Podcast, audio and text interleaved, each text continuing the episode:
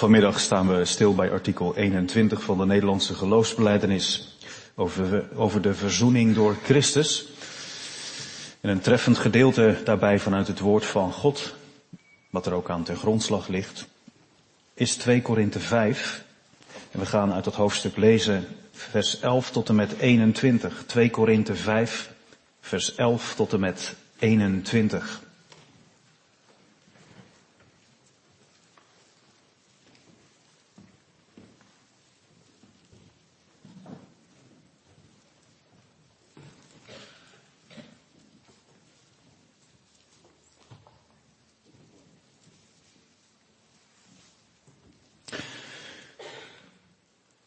Nu wij dus deze vrees voor de Here kennen, Paulus denkt hierbij aan de wederkomst van Jezus, aan zijn rechterstoel.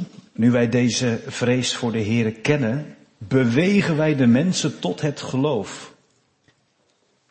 En voor God zijn wij openbaar geworden, maar ik hoop ook voor uw gewetens openbaar te zijn. Want we bevelen onszelf niet opnieuw bij u aan, maar wij geven u een aanleiding tot roem over ons, opdat u iets te zeggen zou hebben tegen hen die in het uiterlijke roemen en niet in wat er in het hart leeft. Want wanneer wij buiten onszelf zijn, dan is dat voor God. En wanneer wij bij ons verstand zijn, dan is dat voor u. Want de liefde van Christus dringt ons, die tot dit oordeel gekomen zijn, als één voor allen gestorven is, dan zijn zij alle gestorven. En hij is voor allen gestorven, opdat ze leven. Niet meer voor zichzelf zouden leven, maar voor hem die voor hen gestorven en opgewekt is. Zo kennen wij vanaf nu niemand naar het vlees. En al hebben wij Christus naar het vlees gekend, dan kennen wij hem nu zo niet meer. Daarom als iemand in Christus is, is hij een nieuwe schepping. Het oude is voorbij gegaan. Zie, alles is nieuw geworden. En dit alles is uit God, die ons met zichzelf verzoend heeft door Jezus Christus en ons de bediening van de verzoening gegeven heeft. God was het namelijk die in Christus de wereld met zichzelf verzoende, daar heb je dat woord opnieuw, en aan hen hun overtredingen niet toerekenende, en hij heeft het woord van de verzoening in ons gelegd. Wij zijn dan gezanten namens Christus, alsof God zelf door ons smeekt. Namens Christus smeken wij. Laat u met God verzoenen. Want hem die geen zonde gekend heeft, heeft hij voor ons tot zonde gemaakt, opdat wij zouden worden gerechtigheid van God in hem. Tot zover de lezing van het woord. Artikel 21 is vanmiddag aan de beurt. En dat valt eigenlijk in drie delen uiteen. Dat past dan weer precies op drie slides en die passen weer precies bij de drie punten van de preek. Laten we eerst de tekst van het artikel eh, met elkaar lezen. En daarna mag hij weer terug naar de eerste slide. De verzoening door Christus. Wij geloven dat Jezus Christus onze eeuwige hoge priester is. Zoals Melchizedek. Dit heeft God met een eed bevestigd. Hij heeft zichzelf in onze plaats voor de rechterstoel van zijn vader geplaatst om door een volledige betaling zijn toorn te stillen. Om onze zonde te reinigen, heeft hij zichzelf opgeofferd aan het kruis. En heeft hij zijn kostbaar bloed vergoten. Dit hadden de profeten voorzegd, want er staat geschreven in de Bijbel, de straf die ons de vrede aanbrengt, was op de Zoon van God. En door zijn striemen is er voor ons genezing gekomen. Ook dat hij als een lam ter slachting werd geleid en als een overtreder is geteld. Hoewel Pontius Pilatus hem onschuldig had verklaard, is hij als een misdadiger veroordeeld. Op deze wijze heeft hij teruggegeven wat hij niet had geroofd. En heeft hij als rechtvaardige geleden voor onrechtvaardigen. Dit lijden was zowel in zijn lichaam als in zijn ziel. Hij voelde zo intens de verschrikkelijke straf die onze zonden verdiend hadden, dat zijn zweet als bloeddruppels op de aarde viel. Hij heeft geroepen, Mijn God, mijn God, waarom hebt u mij verlaten? Dit heeft hij allemaal geleden tot vergeving van onze zonden. Daarom zeggen wij terecht met Paulus dat wij niets anders willen weten dan Jezus Christus en die gekruisigd. En dat wij alle andere dingen als verlies beschouwen, omdat de kennis van onze Heer Jezus Christus alles overtreft. In zijn wonden vinden wij onze troost en wij hebben er geen behoefte aan om andere middelen te zoeken of uit te denken die ons met God kunnen verzoenen. Alleen het offer van Jezus Christus voor eens en voor altijd gebracht. Dat geeft de gelovigen tot in eeuwigheid om volmaakt te worden. Dit is ook de reden waarom Gods engel hem Jezus zaligmaker noemt. Omdat hij zijn volk zalig maakt van hun zonden. Tot zover de tekst van het hele artikel. Het thema voor de preek is verzoening door Christus. Verzoening door Christus. We letten op drie dingen. Allereerst wat hij deed en ik heb daarachter gezet, wat een liefde. Ten tweede letten we op hoe hij leed. Ik heb daarachter gezet, wat een diepte. En ten derde, wat die twee ons brengen. Wat hij gedaan heeft en wat hij geleden heeft. Wat voor troost haal ik daaruit? Wat een troost. Verzoening door Christus. Wat hij deed, hoe hij leed en wat die twee ons brengen. Ja, geliefde gemeente, jong en oud. Dat eerste zinnetje van Guido de Brecht. Ik kan me voorstellen dat je daar nou niet meteen helemaal warm van wordt. Hangt een beetje af van hoe goed je thuis bent in de beelden die gebruikt worden en in de namen van de Bijbel. Maar stel dat dat ja, niet veel verder gaat dan zeg maar wat globale kennis. Je hebt wel eens gehoord van, ja, je hebt hoge priesters bij het volk Israël. En je had verschillende priesters en ja, het kan wel zijn dat ik dat eens heb gehoord. Melchizedek, ja, dat, ja, dan denk je, dan gaat het over de verzoening door Christus. En dan begint Guido de Bre heel plechtig, wij geloven dat Jezus Christus onze eeuwige hoge priester is, zoals Melchizedek. Nou, u kunt er van uitgaan, gemeente, dat Guido de Bre hierover na heeft gedacht natuurlijk. Dat dit geen bladvulling is, of dat hij niet eerst is begonnen te schrijven en toen pas is gaan nadenken. Dan doen we hem echt tekort. Het is juist een hele geladen zin. Om als het over de verzoening gaat, meteen duidelijk te maken, Jezus Christus was een eeuwige hoge priester in de lijn van of zoals Melchizedek. Want wat was die Melchizedek voor man? Ik zou bijna zeggen die mysterieuze figuur uit het Oude Testament. Nou, we komen hem ook in het Nieuwe Testament tegen. En daar schrijft de apostel het volgende. Melchizedek was zonder vader, zonder moeder, zonder geslachtsregister, zonder begin van dagen of einde van leven. Een wonderlijke figuur die er is en ergens in de nevelen verdwijnt. Er is geen sterfdag bekend. Eén, twee. Het is overigens de enige priester in het Oude Testament die ook koning was. Niet één koning was priester en niet één priester was koning behalve Melchizedek. Koning van de gerechtigheid betekent zijn naam. Daarmee wijst Guido de Bray er even heel fijntjes op aan het begin. Wat voor papieren Jezus heeft als hoge priester. Het was niet zomaar één van de velen. Hij is uniek.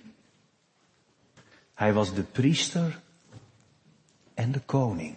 Houd dat vast als ze straks ook zijn lijden beschreven krijgen. Het is niet zomaar een slachtoffer, onze redder. Maar hij is degene die bezig is geweest heel zijn leven lang tot en met de dag van vandaag in de dingen die nodig zijn om ons met God te verzoenen.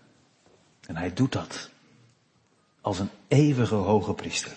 God heeft dat zelf met een eed bevestigd, heel nadrukkelijk. Verkijk je niet op hem, ga niet aan hem voorbij. Hij is het die al die tijd is aangewezen door de profeten, die uiteindelijk zelf kwam en toen hij stierf het voorhangsel deed scheuren van boven naar beneden en die vrije toegang heeft gegeven tot het heilige der heiligen. Hij heeft, zo zegt de derde zin, hij heeft zichzelf in onze plaats voor de rechterstoel van zijn vader geplaatst. Nu houd ik even stil om u en jou de gelegenheid te geven om je eigen gedachten daar heel kort natuurlijk, ik kan niet elke keer heel lang stilhouden, maar om even je gedachten te bepalen bij dat ene zinnetje. Hij, hoge priester en koning, eeuwige hoge priester, is naar voren gestapt, richting de rechterstoel van zijn vader, en is op een plaats gaan staan waar hij niet hoefde te staan, maar wel wilde. Ik moest bij de voorbereiding van de preek denken aan, aan Jezaja 1. Want ik denk dat er misschien wel mensen in de kerk kunnen zijn die denken, voor Gods rechterstoel. Hoe moet ik dat zien? Wie is God eigenlijk als rechter? En als Jezus daar gaat staan op onze plek, hoe kijkt de rechter dan naar zijn zoon? Ik moest denken aan Jezaja 1. Daar heeft de Heer zelf aan zijn volk al bekendgemaakt wat voor een soort rechter hij is.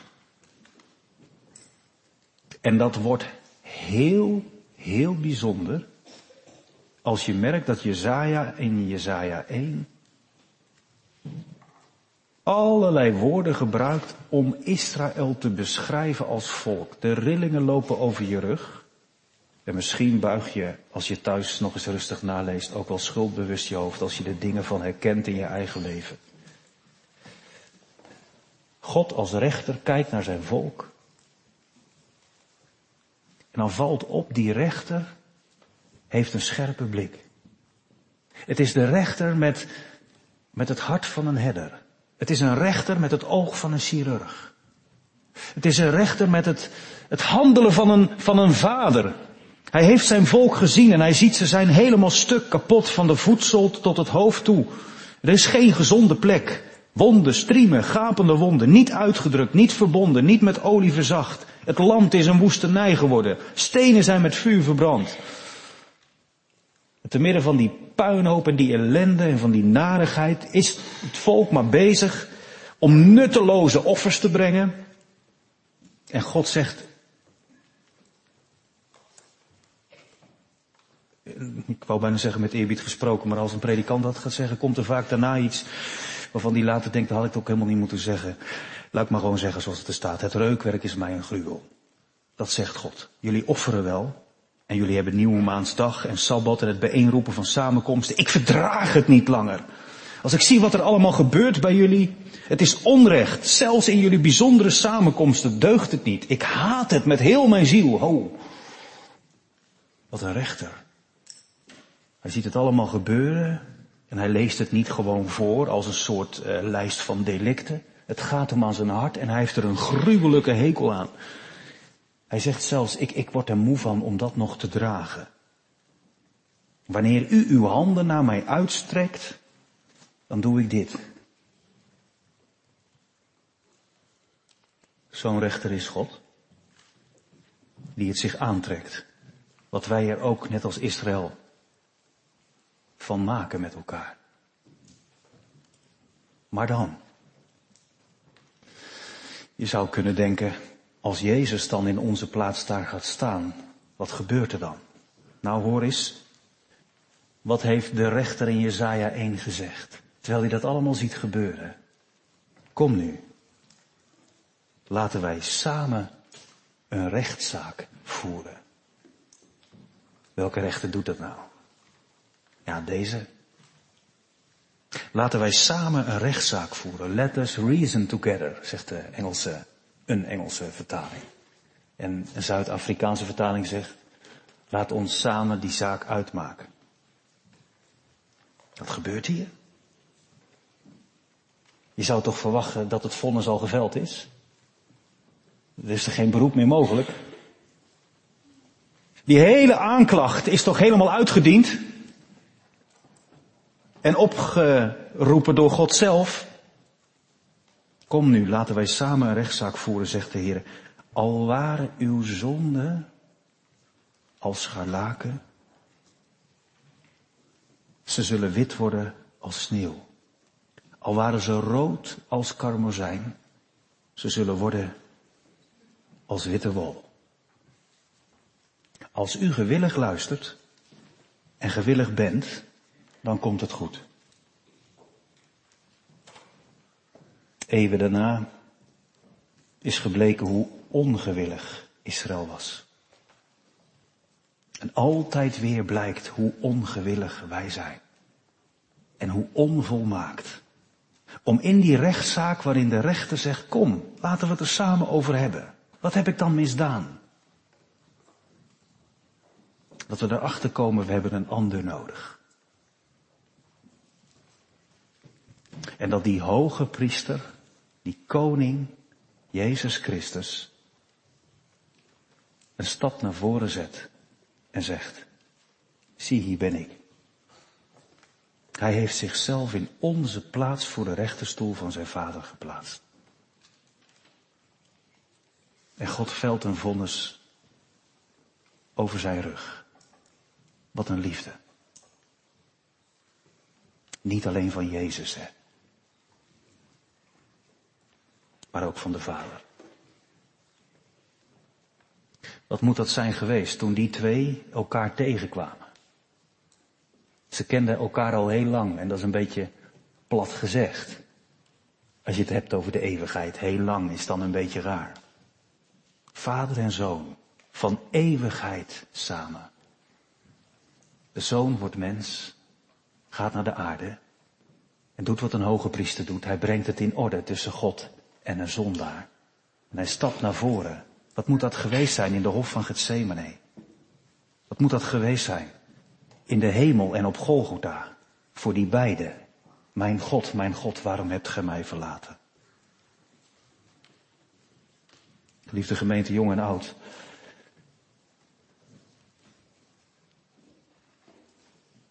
Zul je dit zinnetje de komende dagen eens een paar keer herhalen?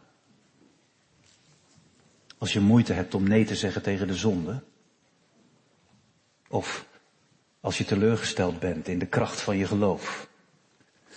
Of als je moe geworden bent in de strijd tegen alles wat je bij God vandaan wil houden. Hij heeft zichzelf in onze plaats voor de rechterstoel van zijn vader geplaatst. Daar is het in orde gebracht. Zou dat je niet moeten motiveren om de zonde te haten? Dat is toch geen vraag. Dat is een belofte. Dat zal je motiveren. Hij heeft een stap naar voren gezet. Is in de beklaagde bank gaan staan. Heeft mijn kostuum van Adam aangetrokken. Zodat ik de rechtbank uit kan wandelen in een witte jas. Met een nieuwe naam. Met een schone lei. Wat een evangelie gemeente. Wat een liefde. De vader. Die zei niet, dat gaan we niet doen. Zoals bij die dochters van Lot. Dat gaan we niet doen. We gaan geen onschuldigen straffen. De vader komt Jezus tegen. En Jezus heeft gezegd, hier ben ik. Neem mij. Hier is mijn bloed. Hier is mijn offer. Zo mooi hè, als je die hoge priester als het ware voor je ziet staan. Wat een, een koninklijk lijden heeft hij ondergaan. Hè. Hij staat daar in, ja in de evangelie wordt hij beschreven als iemand die naakt aan een kruis eindigde. Van wie ze de klederen nog verdobbelden. Hè, en verloten. Maar als je goed kijkt, zie je hoe koninklijk en priesterlijk hij te werk is gegaan. Zoals de priester in het Oude Testament zich begaf naar het achterste in de tabernakel. Naar het heilige der heiligen in de tempel. Achter het voorhangsel. Zo heeft Jezus ruimte gemaakt met zijn bloed. Zul je niet vergeten als je soms denkt, heb ik genoeg geloof? Heb ik genoeg zekerheid? Bedrieg ik me niet? Waar is het geloof bij gebaat? Bij de kracht in het bloed van Jezus. Vanmorgen heb je gehoord, hè? Erfgenaam van God en mede-erfgenaam van Christus. Dat wat Jezus heeft gedaan toen hij zijn leven gaf. Dat heeft ervoor gezorgd dat iedere christen schat en schatrijk is. Wie bij Golgotha is geweest, voor wie het Goede Vrijdag is geworden, mag ik het dan eens zo zeggen. Die weet, in één klap is er zo'n bedrag op mijn rekening bijgeschreven. Wat een troost. God had recht op mijn leven. God had recht op mijn woorden. God zou niet naar beneden moeten kijken zoals bij Israël in zijn hoofd moeten schudden en zeggen waar zijn ze toch mee bezig.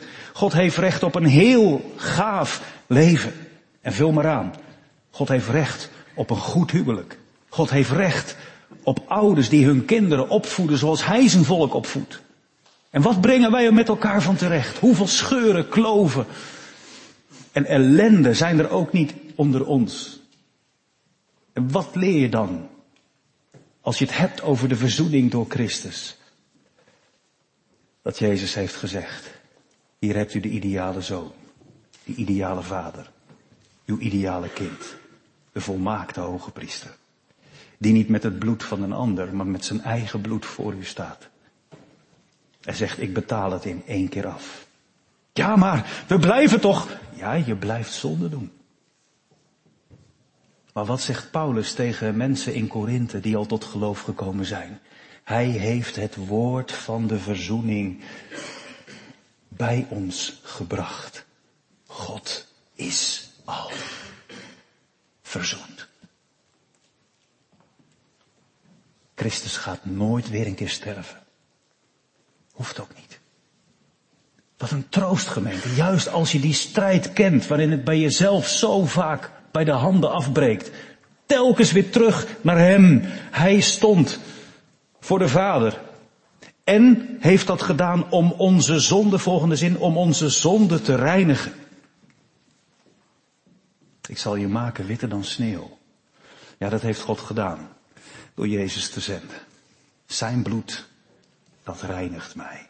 Ik weet niet hoe het u vergaat, maar er zijn al zoveel gezangen door mijn hoofd gegaan. Zulke bekende klanken die je van je jeugd af aan hebt meegekregen. Wat een Christus. Die zijn kostbaar bloed vergoot, zichzelf opofferde aan het kruis. Wat een liefde. Te meer als je beseft wie je zelf bent, toch? Dat wordt alleen maar groter. Je blijft je verbazen over het geduld van de vader en de zoon. Je blijft je verbazen over de kracht die er is in het bloed van Jezus. Je blijft je verbazen over wat zij met elkaar hebben bereikt om mij voor eeuwig te redden. Soms heb je discussies als ouders met je kinderen. Soms heb je als jongelui onderling gesprekken over wat mag nou wel en wat mag nou niet. En wat is nou net wel zonde en net niet. Zwart antraciet gesprekken, die zijn het meest boeiend. Zwart-wit is altijd ingewikkeld. Maar hoe moeilijk is het om zwart-wit te denken, gemeente, als je dit zinnetje op je in laat werken. Die zichzelf heeft opgeofferd aan het kruis. En zijn kostbaar bloed vergoot. Hij gaf zijn leven. Leg daar nou eens onze discussies en gesprekken naast over wat wel en niet mag. En waarom het zo erg is dat je dit laat of dat doet. Zijn we niet soms ook onder ons zo burgerlijk geworden? En misschien ook zelfs wel zo door de wereld beïnvloed, door de geest van de tijd. Dat zonde geen zonde meer is. Wie kan dat volhouden? Als je ziet hoe hoog de prijs was. Hij heeft zijn kostbaar bloed vergoten. De straf, hebben de profeten al gezegd, die ons de vrede aanbrengt, was op hem. En door zijn striemen is er voor ons genezing geworden. Ik heb jullie wel eens dat verhaal verteld, dus dat ga ik niet uitgebreid doen.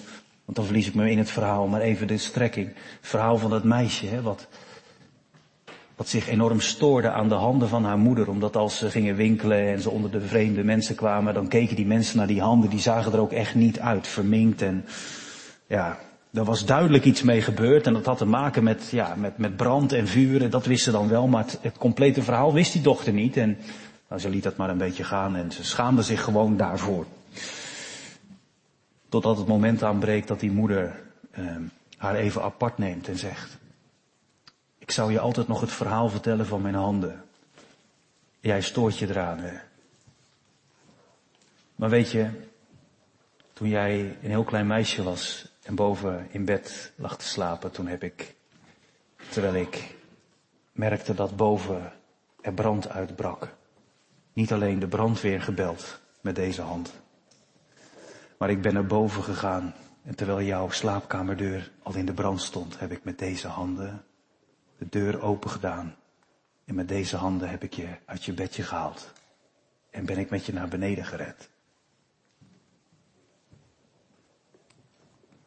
Nou, de mensen hoefden nadat ze dat verhaal van de moeder hadden gehoord, maar even naar die handen te kijken. En toen zei ze, weet je het verhaal van die handen al? Ze schaamde zich niet meer voor die handen van haar moeder. Maar uh, ze hield van die wonden.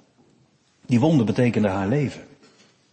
Gemeente, de straf die ons tevreden aanbrengt was op de Zoon van God en door zijn stream is er voor ons genezing geworden. Als ik me niet vergis waren er net een paar ontroerd bij de kloe van het verhaal, toch? Vergis ik mij of lijkt het soms bij die verhalen dat de ontroering er eerder is als bij het eenvoudige getuigenis van de Bijbel? Heeft er natuurlijk wel een beetje mee te maken dat we ons vaak meer voor kunnen stellen bij zo'n verhaal dan maar wij moeten ons juist voorstellen dat dit niet zomaar iets is wat gebeurd is. Jezus heeft zijn handen vuil gemaakt. Hij heeft ze laten doorboorden. Hij heeft de striemen op zich genomen. Om voor ons genezing te geven. Als een lam is hij ter slachting geleid en als een overtreder is hij geteld. En dan de tweede slide. Pontius Pilatus heeft hem, hoewel hij onschuldig was, en hem onschuldig verklaard heeft als een misdadiger veroordeeld.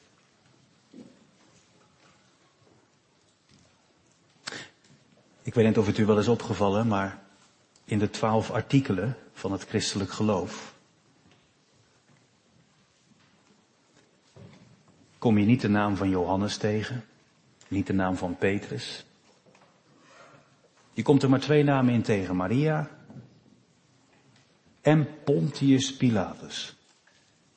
Als je nou toch zo beknopt wil zijn, waarom dan de naam van zo'n man?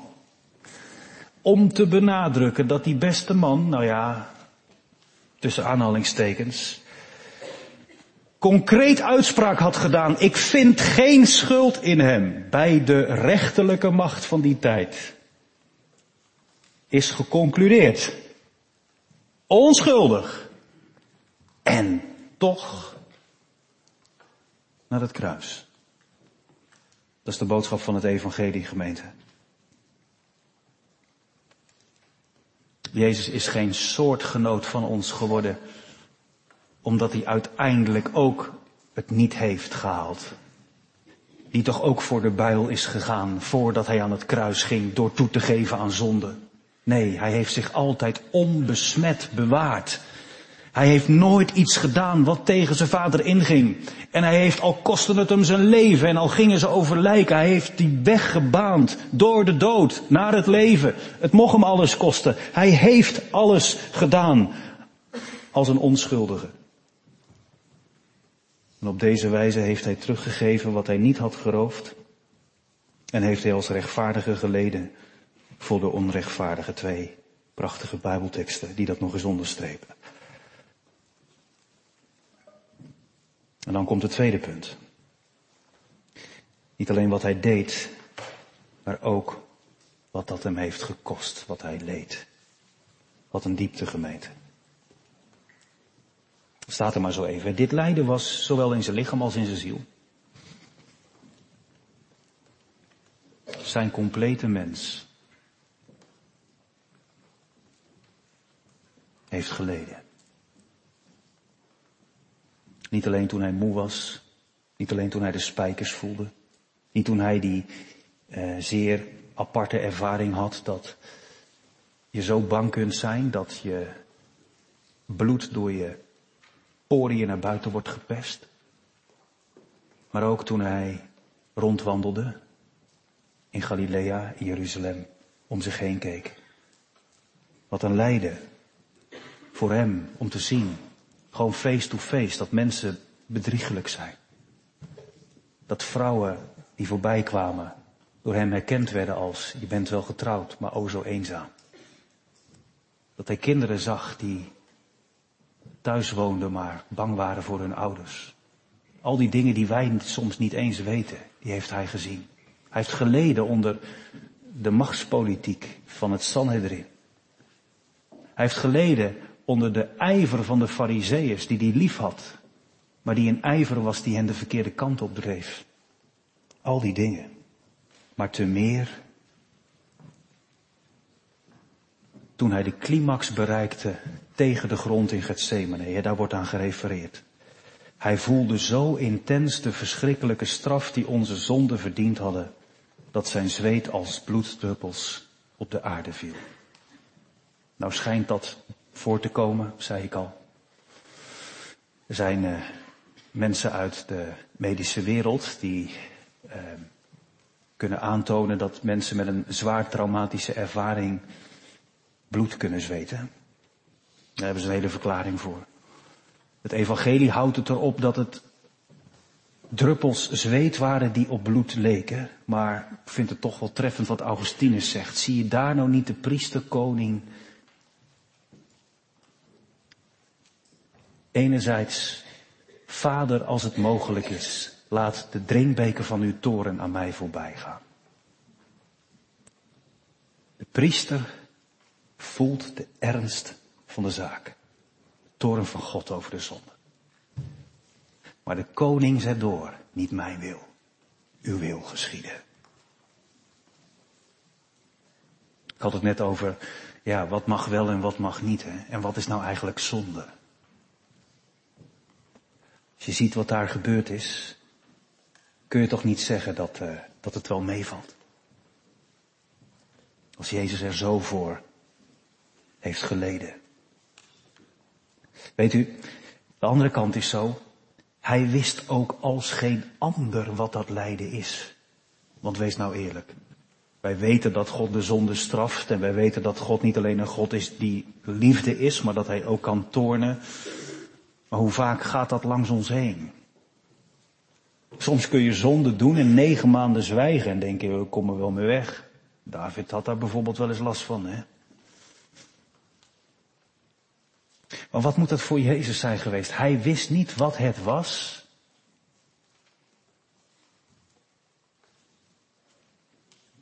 Om zijn vader zo tegen te komen. Een tijdje geleden voor het eerst bij ons kleine meisje thuis meende ik mijn stem te moeten verheffen. Anders dan uh, zou het om een of andere reden er nogal een chaos worden aan tafel. U kunt zich daar wat bij voorstellen wat een, uh, een meisje van, uh, van twee dan kan doen met een pak hagelslag. Dus ik verhief mijn stem. Eigenlijk volgens mij voor het eerst. Nou, na twee jaar. Dus het is een heel lief meisje. Want... En ik zag iets in die blik. Ik schrok er eigenlijk zelf een soort ook van. Zij schrok en ik schrok. Dat hadden we nou nog nooit met elkaar meegemaakt. Dat ik mijn stem moest verheffen. Was het terecht? Ja, goed, daar kun je over discussiëren, maar dan gaat het dan maar over een vader en een kind. Maar wat moet het voor de zoon en de vader zijn geweest? Hij wist niet wat het was dat pa boos was, om het maar even in hele menselijke woorden te zeggen, om het dichtbij te brengen. Het was de toren over de zonde van een ander. Ik dacht, dan heeft de liefde het gewonnen van de angst van het lijden, van de verbazing. Hij zweette druppels die leken op de bloeddruppels. Maar zijn hart pompte door. Eén en al liefde tot zijn vader. En zeg je dat dan vanmiddag ook mee? Ook voor mij. Hij wilde dat onbekende ingaan. Hij wilde die, die toren die hem in één deed krimpen, wilde hij voor mij dragen, zodat ik fier en vrij mag staan en gaan naar de troon van de Vader. Zo laat ons dan met vrijmoedigheid toegaan tot de troon van de genade. Daar is voor ons een plaats en een plek waar hij pleit, waar hij opening heeft gemaakt als de medelijdende hoge priester. Hij heeft geroepen aan het kruis, mijn God, mijn God, waarom hebt u mij verlaten? Hij wilde voor mij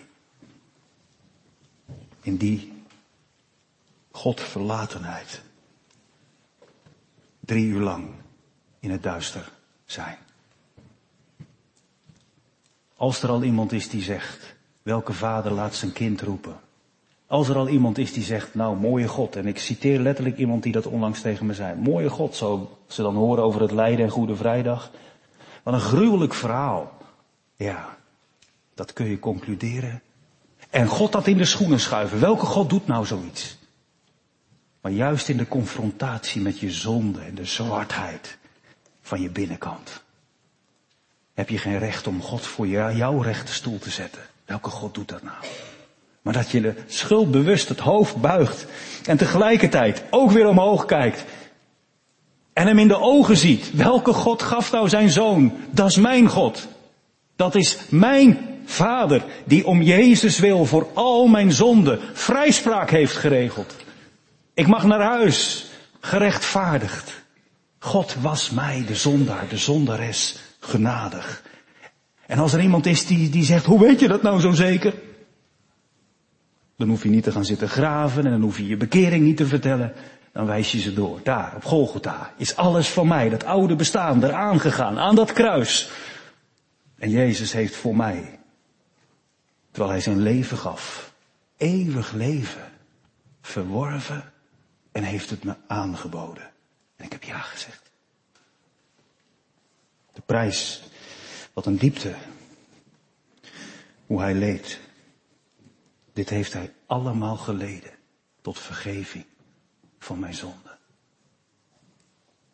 Dat maakt ook dat je hart juist daarom zo vervuld kan zijn. Van liefde tot hem. Weet je niet? Dit deed hij allemaal voor mij. Al die zonden te vergeven. En dan tot slot. Wat die twee ons brengen. Ik heb natuurlijk hier en daar al een toepassing gemaakt, maar nog kort. Wat een troost als je ziet hoe Guido de eindigt. Ik vind dat zo mooi. Hij komt misschien omdat je predikant bent. Maar uh, predikt u er ook uh, lustig op los, zou ik zeggen. Daar hoeft u niet voor naar de VU. Als je hart vol is van de Heere, prijs zijn naam, verkondig het. Maar ook laat die gezindheid in je zijn van Paulus. Als je beseft, we staan straks allemaal een keer in een oordeel. De rechterstoel van Jezus komt op de aarde en hij gaat scheiding maken tussen schapen en bokken. Als je daarvan weet en vrees vervult je hart omdat je ongelovige broer of je, je atheïstische collega nog niet bereid is, Laten wij de mensen dan bewegen tot het geloof. Moet je horen wat, wat Guido de Bres zegt. Daarom zeggen wij terecht met Paulus dat wij niets anders willen weten dan Jezus Christus en die gekruisigd. Wij prediken niet de bekeerde mens. Wij prediken niet wat wij allemaal mee moeten maken. Wij preken Jezus Christus en daar vallen de beslissingen. Daar gaat het ergens over. Daar zie je door de kracht van de Heilige Geest dat jij als zondaar echt helemaal niks hebt in te brengen dan alleen maar schuld. En daar hoor je in de boodschap van het evangelie dat jij als zondaar niks anders hoeft te doen dan ja te zeggen als Jezus zegt, hier heb je het, allemaal voor jou. Dat is hoe Paulus heeft gepreekt en daarom zegt Guido de Bree, ik snap die man. Wij wensen niets anders te weten dan Jezus Christus en die gekruisigd. Natuurlijk zegt diezelfde Paulus later, misschien was hij toen, hè, zoals hij in dit hoofdstuk zegt, misschien iets meer bij zijn verstand dan bij zijn gevoel. Hè. Dus dat heel cryptisch zinnetje stond er in de schriftlezing, we moeten thuis nog maar eens nalezen. Maar dat hij zegt op een ander punt, de opstanding uit de dood is zeker nog belangrijker dan het sterven van Christus. Maar hier heeft hij het over de gekruisigde. Daar zie ik de zekerheid van de vergeving van mijn zonde. Daar ligt het fundament voor een toekomst vol van hoop. En daarom, nog een ander woord van Paulus, alle dingen die geen Jezus zijn, die beschouw ik als verlies. Nou, en Paulus die kon echt een paar dingen op zijn cv zetten. Hè? Uit de stam van Dan, connecties met, uh, met, uh, met Benjamin, uh, een fariseer. Ja, wij zijn daar heel vaak negatief over, maar we zouden er beter op een bepaalde manier ook eens jaloers op kunnen zijn. Op de ijver waarmee ze de Here wilden dienen. Alleen dan niet om te betalen, maar uit dankbaarheid. Dat begrijpt u hopelijk wel. Maar Paulus zegt als het terecht op aankomt, beste mensen in Filippi, allemaal schade en drek. Ik citeer dat altijd maar het liefst in de Statenvertaling, want als ik moet gaan zeggen hoe het er letterlijk staat, dat, dat stinkt. Zo erg, zegt hij. Al die dingen waarvan wij zeggen, jongen, jongen, jongen, dat is nog eens een bekeerde man en dat is nog eens een echte Jood. Het allerbelangrijkste is dat ik Jezus leren kennen. Die Jezus die voor de rechterstoel van de Vader stond, die voor mij in de Godverlatenheid heeft gehangen, die voor mij gebeden heeft, die mij heeft bevrijd. Alles wat ik bij Hem ontdek, overtreft. Alles. In Zijn wonden vinden wij onze troost. Dat is bijzonder. Dat hier niet staat, in zijn wonden vinden wij ons verdriet. Het is enerzijds toch niet om aan te zien. Dat wij blijkbaar zulke mensen zijn die een redder nodig hebben, die zichzelf aan het kruis moet geven. En die de rest van zijn eeuwige leven doorboorde handen heeft en een doorstoken zij. En toch roept hij ons medelijden en verdriet niet op. Als wij door het geloof in die wonden troost vinden. Je mag ook zeggen trust zekerheid. Ik hoef het nooit meer te vergeten. Het zal altijd zichtbaar zijn. Als hij bekend wordt bij de breking van het brood, weet je nog. Zoals hij dat bij die eerste discipelen liet zien. Zie het dan. Ik heb het voor jullie gedaan.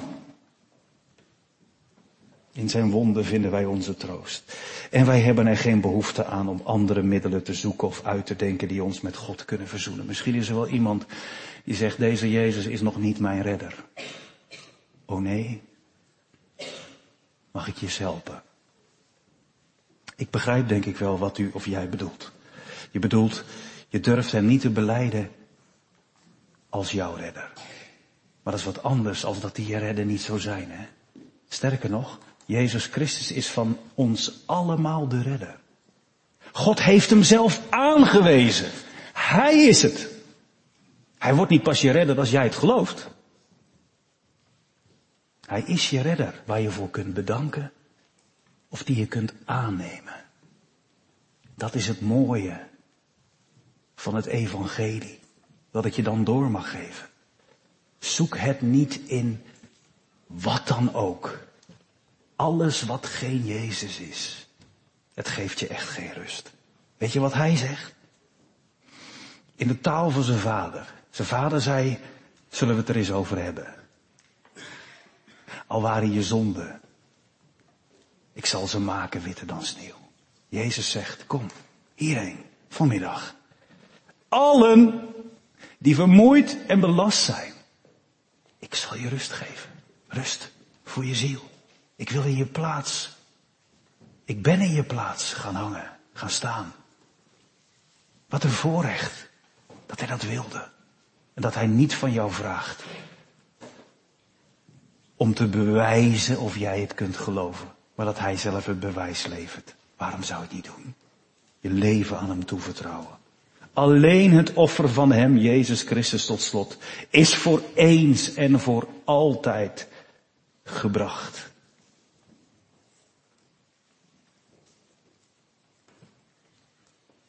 Dat zegt iets over de kwaliteit van zijn offer. Toch? Voor eens en voor altijd in één keer. Weet je nog? Afbetaald. Dat geeft dat de gelovigen tot in eeuwigheid volmaakt worden. Wat een tekst. In eeuwigheid. Volmaakt. Ja, maar nee, niet de mantel van de gerechtigheid optillen en ontdekken. Er zit ook nog steeds iets van Adam. Die jas is wit. Vanwege het bloed van Jezus Christus. Wie hem aantrekt, die hoort bij de hoge priester. Die mag zelf een priester zijn. En een koning. En een profeet. Tot in eeuwigheid volmaakt. Hier al, hè, dat begint niet straks. Hier al volmaakt. Nee, dat kun je niet zeggen. Dat kun je van een zondaar niet zeggen, jawel. Anders doe je tekort aan het offer van Jezus. Natuurlijk. De strijd is pas te boven en de laatste zonde is pas begaan. Als er een rijk van vrede op de aarde komt en een nieuw lichaam. Maar tot die tijd geeft God dat de gelovigen in Christus tot in eeuwigheid volmaakt worden. Daarom draagt Jezus zijn naam met ere. Zaligmaker, redder, God redt. Wat een voorrecht gemeente als je hem kent.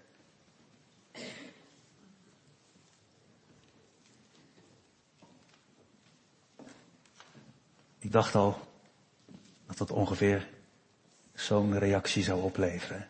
Aan het einde van de preek, u hebt genoeg over u heen gekregen. Maar hopelijk is het ook dwars door u heen gegaan. Maar beseft u wat ik net zei? Wat een voorrecht dat u zo'n redder hebt. Niet snel ja zeggen. Daar was deze preek niet voor bedoeld. Om alleen maar te bevestigen wat we al weten. Wat een voorrecht. Wat een genade. Wat een liefde. Wat een diepte. Wat een zekerheid. Wat een troost. Waar ik ook kijk aan hem, zijn heerlijkheid, zijn lijden, zijn wonden. Zijn woorden. Allemaal voor mij. Hij deelt het uit. En hij maakt ons tot de laatste snik gereed. En als je nou bij de laatste zin van de preek denkt. Ja, ik denk dan altijd maar weer aan Psalm 130. Zo doe hij ook aan mij. Wat bedoel je dan? Dat je er weer veel om gaat bidden? Of God wil doen wat hij zondags belooft? Je laat hem toch niet staan? Het is niet de bedoeling dat hij zegt, kijk eens, zie je mijn wonden? Nou, loop nou maar weer door. Kijk eens, hier heb je vergeving. Je mag het ook volgende week krijgen hoor. Het is de, hij wil er vanaf. Hij biedt het je aan, zodat je vandaag nog het aanvaardt wat hij heeft gedaan. De redder staat voor je. En hij zegt, mag ik je geven wat je niet hebt verdiend? Mijn liefde, de vergeving eeuwig leven en de zekerheid dat jij zult opstaan uit je graf als je je ooit begraven, jongen. Wil je dat hebben? Zeg het dan maar. Heer Jezus, hier ben ik. Als klein kind kun je dat misschien nog wel het mooiste doen. Zul je dat doen? Als je dat nog niet hebt gedaan, ga maar naar de Heer, ga maar naar je kamer vanmiddag en zeg maar, Heer Jezus, noem je naam maar, hier staat hij. Uw erfgenaam. Ik, ik ben gedoopt in de naam van de Vader, de Zoon en de Heilige Geest. Geef mij vergeving van zonde. Dan leer mij vertrouwen. Dat u mij hebben kan en wil. Amen.